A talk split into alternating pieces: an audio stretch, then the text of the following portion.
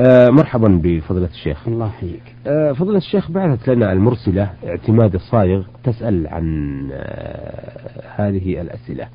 تقول بعد التحية والثناء على المشايخ المجيبين على أسئلة البرنامج أن تلبية الدعوة أو الوليمة واجبة ولكن بشرط عدم وجود منكر. مثل المطربات وأنك تعرف أن أكثر دعوات الزفاف الآن بالمطربات ولا نستطيع تغيير هذا المنكر. فأخبرني أفادك الله هل ألبي الدعوة مع علمي بوجود مطربة أم أمتنع عن الذهاب؟ وكيف لا أذهب؟ وقد أمرنا الله بالإجابة حتى لو كانت صائمة تطوعا أو حتى, إلا حتى لو كانت صائمة تطوعا. تفطر من أجل الذهاب إلى تلك الوليمة. الحمد لله رب العالمين والصلاة والسلام على نبينا محمد وعلى آله وأصحابه أجمعين. أما بعد فإن قول السائلة إن الإجابة إلى الوليمة واجبة ليس على إطلاقه. ولكن الوليمة إن كانت من الزوج فالإجابة إليها واجبة. وكذلك لو كانت مشتركة بين الزوج وأهل المرأة فالإجابة إليها واجبة. لأن الزوج هو المأمور بالوليمة. نعم. لقول النبي صلى الله عليه وسلم لعبد الرحمن بن عوف أولم ولو بشاة.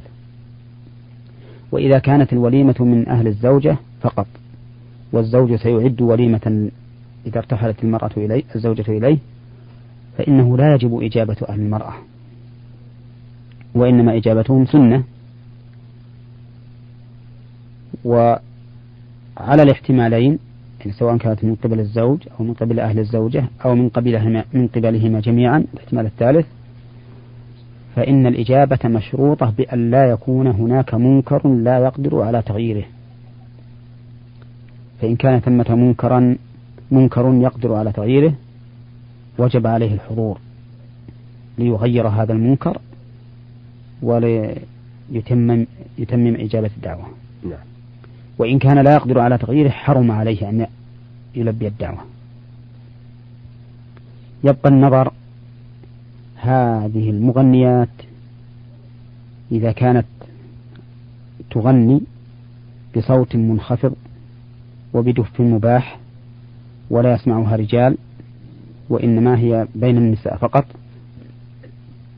فهذا لا بأس به فإن هذا مما جاء به الشرع. نعم. أن تغني النساء وتدف لكن بشرط أن لا يكون فيه محذور. وليس هذا بمعصية. فلها أن تجيب وأن تشهد هذا الحفل. وأما إذا كان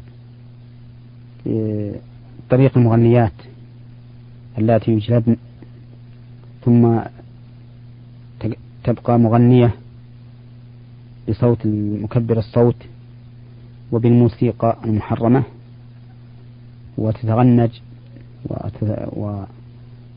وترقص وتتلوى فهذا لا يجوز.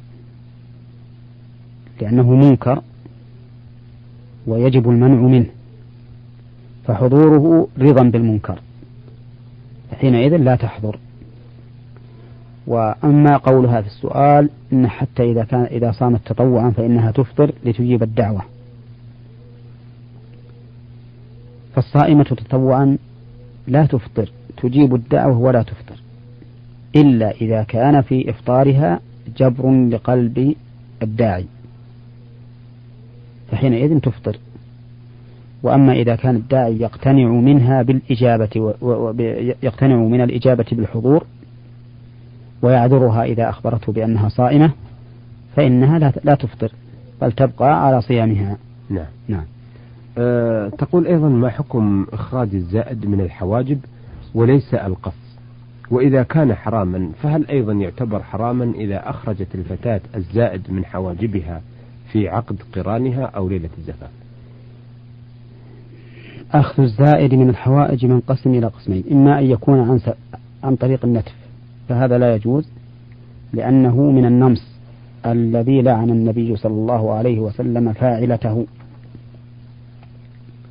وإذا كان بطريق القص فقد قال بعض العلماء إنه من النمس أيضا فيدخل في اللعنة. وقال آخرون ليس من النمص فلا يدخل في اللعنة ولكنه مع هذا لا ينبغي إلا إذا كانت الحواجب كثيرة الشعر بحيث إنها تضفي على العين ظلمة وقصرا في النظر فهذا لا بأس أن تزيل ما يخشى منه هذا المحذور. نعم. نعم. آه رسالة بين يدينا وردتنا من محافظة الحسكة بسوريا. يقول مرسلها ممتاز سليمان لماذا سميت السيدة أسماء رضي الله عنها بذات النطاقين؟ أولا إن كلمة السيدة أصبحت عرفا عاما عند الناس الآن كل امرأة يسمونها سيدة. نعم. إذا كانت كبيرة أو متزوجة وما دونها يسمونها فتاة فإن قصد بالسيادة المعنى الحقيقي لها فهذا لا ينبغي لأن النساء مسودات وليس السيدات وإن قصد أنه اسم جامد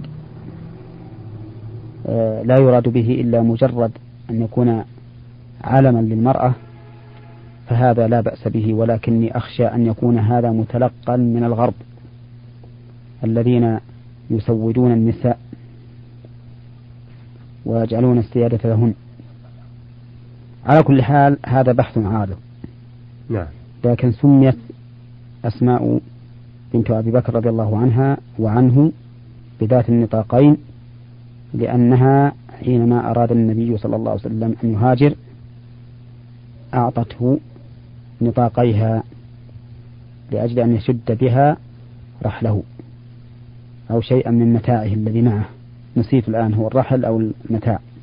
فهذا هو السبب في تسميتها أو في لقب تلقيبها بهذا اللقب. نعم. نعم. آه الرسالة بين يدينا الآن وردتنا من سوريا أيضا من جمعة الحسين الحمود. يسأل بعض الأسئلة لكن نناشد المرسل جمعة الحسين الحمود وبعض المستمعين إلى أنهم لا يبعثوا لنا أوراقا فيها صور سواء كانت هذه الصور للنساء أو للحيوانات والصورة التي بين يدينا وبعث بها جمعة فيها صورة فتاة. نرجو من الأخوة أن يبعثوا بورق أبيض آه، وألا يبعثوا لنا بمثل هذا الورق. وأعتقد أن عند الشيخ محمد قبل الإجابة على هذه الأسئلة التعليق على هذه الصورة. هات. على كل حال نعم تعليقنا عليها أن الصور لا تجوز إلا إذا كانت في الأمور الممتهنة كالمخاد والفرش وشبهها وإلا فلا يجوز اقتناؤها. نعم. لا في في الرسائل ولا في تعليقها على الجدران ولا في حفظها في البوم. الذي يسمونه البوم ولا غير ذلك. نعم. إي نعم.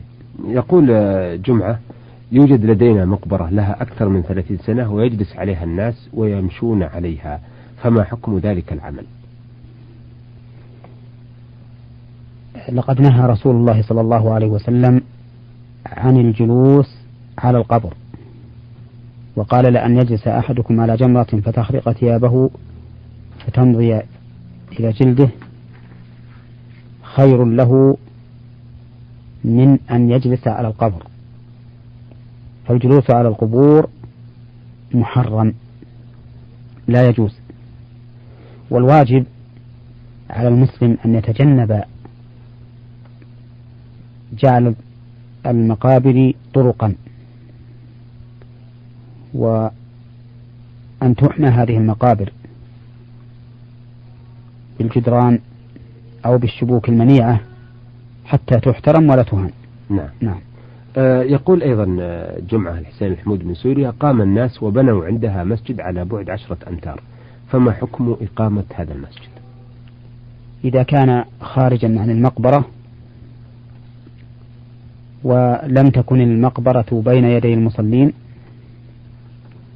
ولم يقصد به التبرك بكونها حول المقبرة بكونه أي المسجد أي المسجد حول المقبرة فهذا لا بأس به نعم. فأما إذا بني في جانب منها أو كانت المقبرة أمامه أو كان عن عقيدة أن كون المسجد قرب المقبرة أفضل وأكمل فهذا لا يجوز يقول المرسل من الرياض عين عين ميم إلى من يهمه الأمر في برنامج نور على الدرب. السلام عليكم ورحمة الله وبركاته. إذا صلى شخص وفي ثوبه بقعة نجاسة فهل يعيد الصلاة وإن كانت أكثر من قرش؟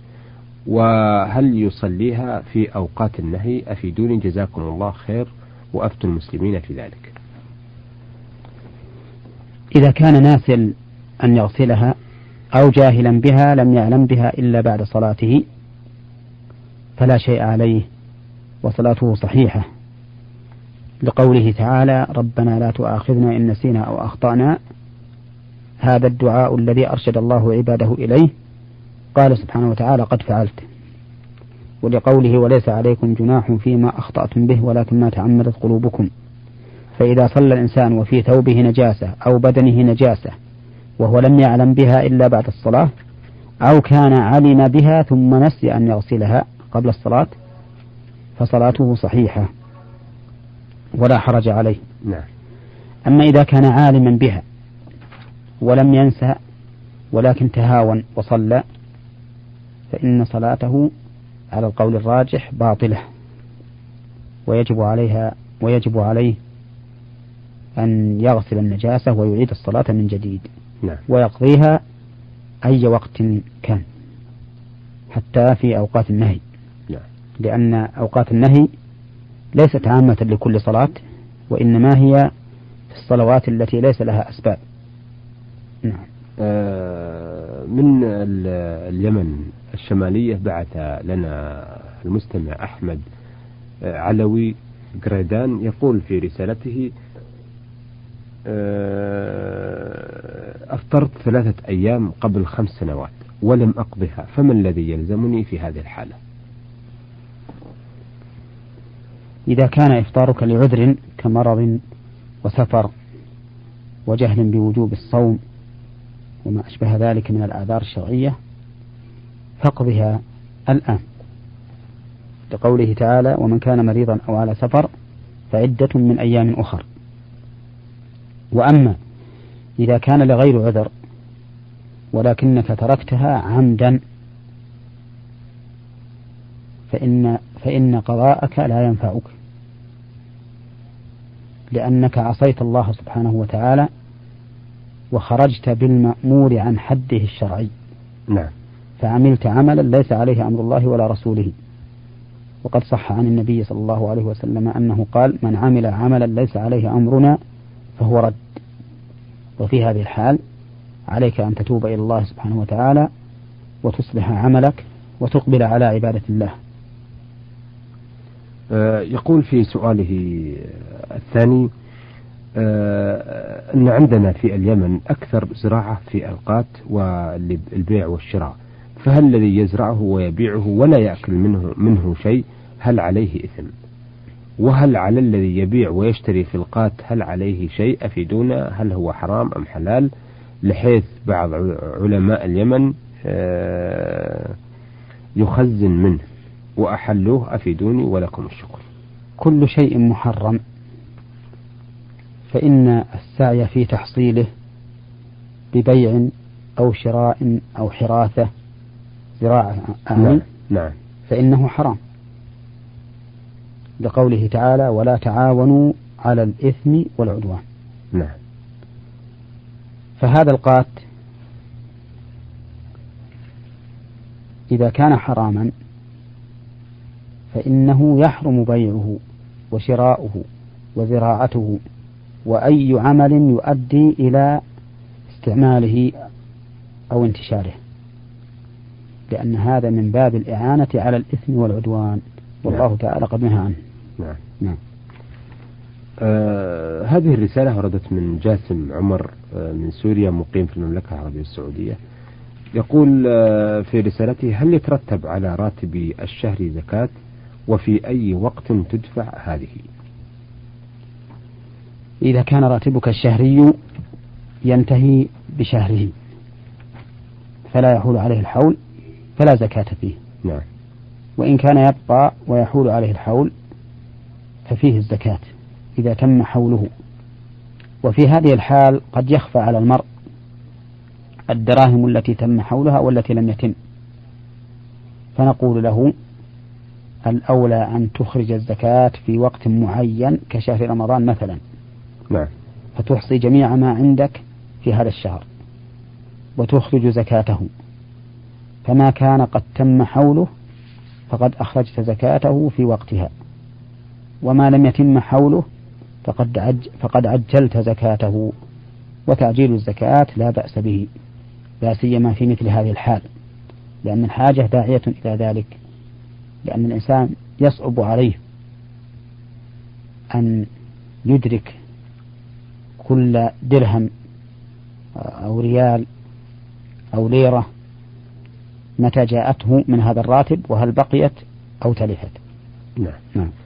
آه يقول أيضا آه أرجو آه إجابتي على هذا السؤال أنني أعمل بمهنة سائق غير مقيم في مكان كل يوم في مكان طريق يحد بحدود 1400 كيلومتر. هل يحق لي الجمع والقصر وهل علي شيء إذا أخرت صلاة العشاء فقط؟ على كل حال ما دمت خارج بلدك فأنت مسافر. ولو كنت سائقا مستمرا لأنك خارج البلد. وما كان خارج ومن كان خارج بلده فهو مسافر. لأن السفر هو مفارقة محل الإقامة. فالسائق الذي يتردد بين البلدان والمدن هو مسافر. نعم. فله أن يقصر بل, بل يندب له القصر. وله أن يجمع ولكنه إذا كان نازلا غير جاد به السير فالأولى أن لا يجمع إلا إذا كان محتاجا للجمع مثل أن يكون نازلا في مكان ويحب أن ينام نومة طويلة فيجمع جمع تقديم أو يؤخر فلا حرج عليه في ذلك. نعم. فالمهم أنك تعتبر مسافرا وإن كنت في أكثر الأحيان دأبك السفر لأنك إنسان لك بلد تقيم فيه وتأوي إليه فما دمت في بلدك فأنت مقيم وما دمت خارج بلدك فأنت مسافر. أحسنت وثابكم الله. أيها السادة إلى هنا نأتي إلى نهاية هذا اللقاء الذي استضفنا فيه فضيلة الشيخ محمد بن صالح العثيمين آه الأستاذ بكلية الشريعة في القصيم وإمام وخطيب الجامع الكبير بمدينة عنيزة وقد أجاب على أسئلة واستفسارات السادة. المرسلة اعتماد الصايغ ومختار سليمان من محافظة الحسكة بسوريا وجمعة الحسين محمود من سوريا وعين عين ميم من الرياض وأحمد علوي فريدان أو قريدان من اليمن الشمالية وأخيرا رسالة جاسم محمود من سوريا. آه شكرا لفضيلة الشيخ وشكرا